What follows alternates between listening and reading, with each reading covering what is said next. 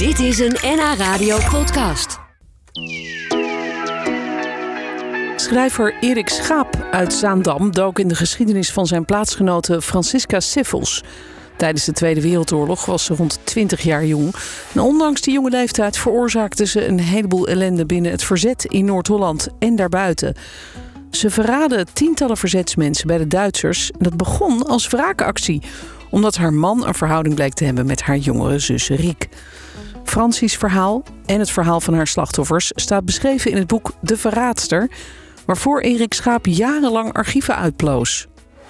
Ja, ik ben hier wel een jaar of zeven mee bezig geweest. Met tussenpozen weliswaar. Maar Zo. toch, het heeft wat tijd gekost. Ik kan me voorstellen, inderdaad. En heb je ook nog gesproken met, met mensen uit die tijd die, die, die zich nog konden herinneren wie deze Francisca was en wat ze deed? Ja, ik heb onder andere haar zus gesproken. Jongste zus, die leeft nog. Ik heb haar vorige week nog even aan de telefoon gehad. En dat is wel bijzonder. Dan kom je al heel dicht bij het verhaal. Ja, dat kan ik me voorstellen, inderdaad. En, en nu is het klaar. Eh, het, het boek is er. Verraadster heet het. En eh, ik kan me voorstellen dat het ook wel eh, lastig is om dat dan los te laten. Weet je, het, het boek is er natuurlijk gewoon, maar je, je hebt er zo lang aan gewerkt. Ja en nee, het is wel zo. Ik, ik maak een boek en dan is het ook in alle opzichten af voor mij. Oké. Ik ben wel benieuwd naar de reacties daarna, maar ik ben echt klaar. Ja. Ja. Nou, we gaan er zo uitgebreid over, eh, over praten. Dan horen we het eh, bijzondere verhaal van Francie, zoals ze genoemd werd, Siffels.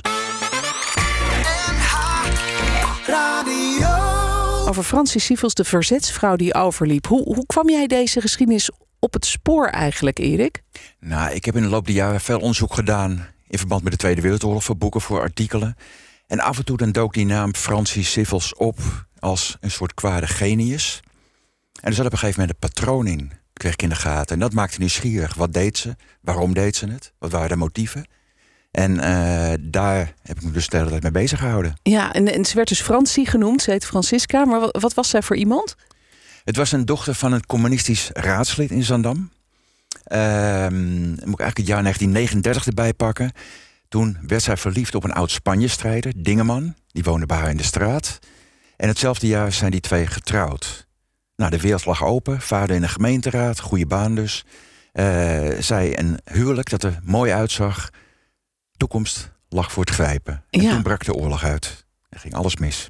Ja, toen ging alles mis. Want ehm, zij, zij eh, ging zelf ook wel wat dingen doen voor het verzet, hè, begrijp ik, uit jouw boek. Ze was Ja, zo, ze zat eh, vrij diep in het verzet. Ja. Ze was koerierster, bracht krantjes rond, voedselbonnen.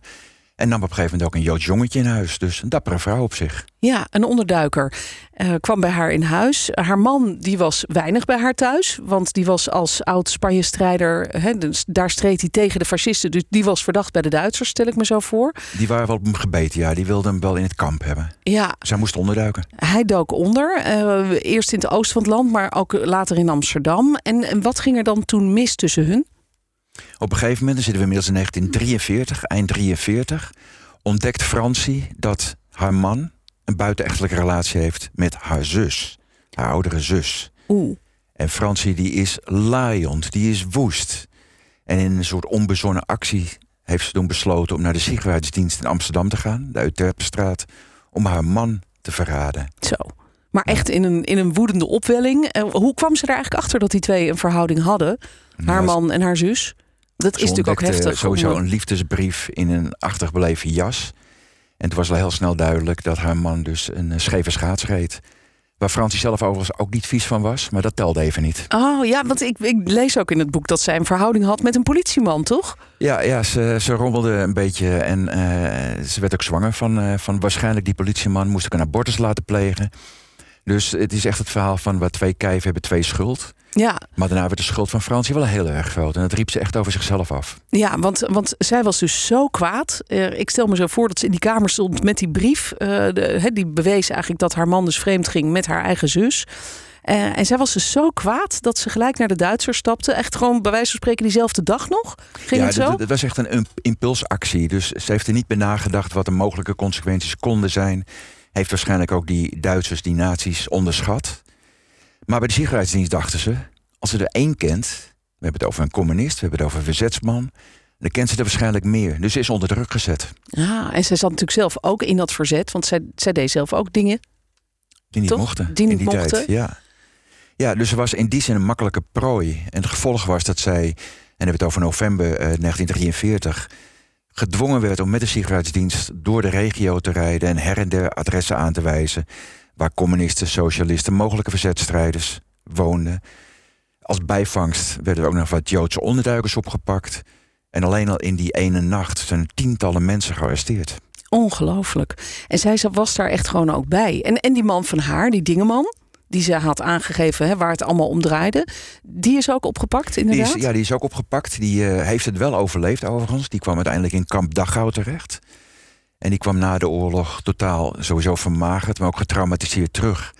En die is nooit over die oorlog heen gekomen. Maar het is een van de mensen die het wel overleefd hebben. Ja. In tegenstelling tot een flink aantal anderen. Ja, want heb, heb, heb jij helemaal... Er staan heel veel namen en geschiedenissen in dit boek. Uh, je vertelde me net al even dat je zeven jaar in de archieven zo'n beetje hebt gezeten.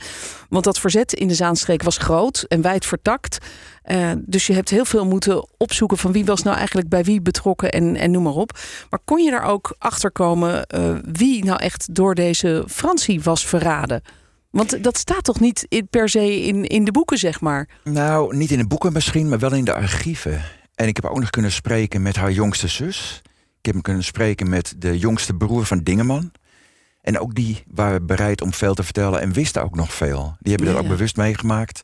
Bijvoorbeeld de jongste broer die is inmiddels bijna 94. Dus die heeft echt bewust meegemaakt wat er gebeurde. En ik kon ook namen noemen van mensen die, zeiden, die, die binnen zijn gevallen bij zijn ouders. Om, eh, om de boel eh, te, te, te verlinken. En Ja. ja. ja, zo kwam ik toch wel veel namen tegen. Ja, wat zal zij intens gehaat zijn daar in de Zaanstreek dat zij dit gedaan heeft? Als toen al duidelijk was geworden wat zij had gedaan, dan had het verzet haar onmiddellijk geliquideerd. Daar ben ik van overtuigd. Ja, maar ze wisten het niet. Ja, Ze wisten het niet. Je moet je wel voorstellen dat eh, het begint in november 43. Half jaar later is het voorbij. Het speelt zich af in een half jaar tijd. Een hele korte periode. Maar in die tijd heeft ze wel zo'n 150 mensen minimaal. Ik wil niet zeggen dat ik compleet ben in mijn opsomming. Maar minimaal verraden. Ja, ja want dat eigenlijk, je, je zou kunnen denken, hè, ze, was dus razend op die man van haar, want die was een verhouding met haar eigen zus begonnen. Dat is natuurlijk ook een heel diep verraad. Dus zij dacht, ik, ik zal je krijgen. Ik geef je aan bij de Duitsers. Maar dat was dus eigenlijk nog maar het begin. En dat is natuurlijk eigenlijk ook wel, wel gek dat het niet stopte. Hè? Dat ze niet heeft gedacht, nou, die man van mij, die heb ik nu goed te grazen. En nou ga ik weer terug eh, zelf ook weer mijn verzetswerk doen en, en tegen de Duitsers vechten. Ja, dat was bij mij ook de centrale vraag. Waarom deed ze wat ze deed? Ja, Wat waren haar motieven? Ja, en dan blijken er eigenlijk twee dingen die van belang zijn. Ten eerste, ze komt uit een communistisch nest. Het was een warm bed, eh, bad moet ik zeggen, maar het was ook een hechte familie. En ze kon niet terug naar de familie na dat verraad. nee. Dus ze moest wat anders. Ja, want die familie wist het wel wat ze gedaan had. Nee, die wist eigenlijk ook heel weinig daarvan. Haar zus die had ook geen idee tot ik bij kwam en het langzaam begon te beschrijven. was ook een pijnlijk proces natuurlijk. Ja, verschrikkelijk. Dus eh, nee, de familie wist dat eigenlijk niet. En het tweede wat meespeelde, Francie was wel een opportuniste. En ze ging ook voor het geld. Oh ja? En dit was vrij makkelijk geld. Oh, ze verdiende er ook nog aan. Ze verdiende er ook nog aan. ja. Zo. Dus het was een optelsom. Zei net, ze- het zijn niet tientallen mensen die ze verraden heeft, maar meer dan 100 zelfs. Hè? Meer dan 150 zelfs. Meer dan 150. Ongelooflijk. En, en de meeste daarvan zijn, neem ik aan, opgepakt en vermoord of eh, gevangen gezet. Nou, de meesten hebben het wel overleefd, maar er zijn ook een aantal voor het vuurpeloton gezet. Er zijn mensen omgekomen in het concentratiekamp, twee in de gaskamer. Dus het was een gruwelijk verhaal. ja. dat kun je wel stellen, ja. En je zei net ook dat je gesproken hebt met, met de zus van, eh, van Francie. Niet die zus met wie haar man een verhouding had, toch? Nee, die leefde nog wel toen ik het boek aan het schrijven was. Eh, ik had haar adres, ik had het telefoonnummer. Maar haar jongste zus die heeft er maar gevraagd... neem alsjeblieft geen contact met haar op, want ze overleeft dat niet. En dat heb ik gerespecteerd. Ja, daar kan ik me ook wel iets bij voorstellen. Zo'n pijnlijke geschiedenis. Als je daar eh, over terugdenkt dat dat heel veel loshaalt. Hoe was dat met die andere zus die je dus wel gesproken hebt? Hoe, hoe keek zij hierop Ja. terug en Nee, wat ik ben wist ze paar keer bij ervan? de thuis geweest. Een hele aardige vrouw, behulpzaam ook. Tot ze op een gegeven moment zei van... ja, sorry, ik wil ermee stoppen. Want ik ga er slecht van slapen. En ook dat heb ik gerespecteerd. Dus ik heb er zeven jaar niet gesproken. Mhm. Tot vorige week, toen belde ze. Heeft ze het boek gelezen? Ze heeft het doorgebladerd. Ze Oh, ja? wist niet of ze het ging lezen. Ze vond het best spannend en dat is ook begrijpelijk. Maar ze was ehm, nog steeds even beminnelijk als zeven jaar geleden. Dus ik heb toch wel goed hoop dat ze het gaat lezen. Hoe verschrikkelijk het ook is. Ja, een heel pijnlijke geschiedenis natuurlijk. Je hebt ook gesproken, uh, vertelde je net al, met die broer van Dingeman. De, dus de, de, de, echtgenoot van, van Francie. Um, hoe kijkt die broer naar wat er allemaal gebeurd is? Die broer was vooral nieuwsgierig. Want die had wel herinneringen aan het onderdeel waar hij zelf getuige van is geweest. Maar die was wel benieuwd, wat is er nu precies gebeurd? Ja. Nou, dat weet hij inmiddels. Ook bij hem ben ik thuis geweest een paar weken geleden. Ik heb hem het boek gegeven. En hij was blij dat het er was. En hij belde een paar maanden geleden al op en zei van ja, ik ben 93, schiet je wel een beetje op. Ach. Want straks kan ik het niet meer lezen. Ach, nou, maar, hij kan het nu lezen. Ja, maar hij, hij heeft wel geweten dat er sprake was van verraad en dat Fransie naar de, de, de sicherheidsdienst was gestapt. Maar hij heeft misschien nooit de omvang geweten van hoeveel mensen ze verraden heeft. Nee, dat wist eigenlijk niemand. En daarom is het ook zo in de, in de lute gebleven. Uh, ik denk dat Fransie een van de drie grootste verraadsters van Nederland was. Je had Miep Oh ja? Oranje, je had Ans van Dijk. Die is ook na de oorlog uh, doodgeschoten vanwege haar uh, vuile werk. En, en ehm, dit was een onderbelicht verhaal. Dus doordat je het stukje bij beetje in die archieven terug kunt vinden... na heel veel zoekwerk, kun je het verhaal reconstrueren... Maar het totale verhaal, dat was er niet. Nee. En nu wel dus. Ja, dat is, dat is goed dat het allemaal uh, ja, eigenlijk uit de archieven uh, is, is losgehaald door jou. Het, het liep niet goed af met Francie. Dat kon ook bijna niet anders. Want er, er zal ergens een moment zijn geweest dat uh, de, de verzetsmensen doorkregen dat er zoveel van hun broeders en zusters werden opgepakt door het verraad van Francie. Hoe, hoe ging dat eigenlijk? Hoe is dat bij haar gegaan? Ja, op een gegeven moment werd het natuurlijk te gevaarlijk voor haar in de Zaanstreek, waar ze woonde. Dus ze moest uitwijken. En toen kwam ze in de omgeving van Alkmaar terecht. En daar heeft ze keer op keer geïnfiltreerd in verzetsorganisaties. Oh, toen ging ze echt actief aan de slag voor de sigaretdienst? Ja, met groot enthousiasme zelfs. Oh. Dus ook als ze geen opdracht had, dan deed ze dat, want er viel geld te verdienen.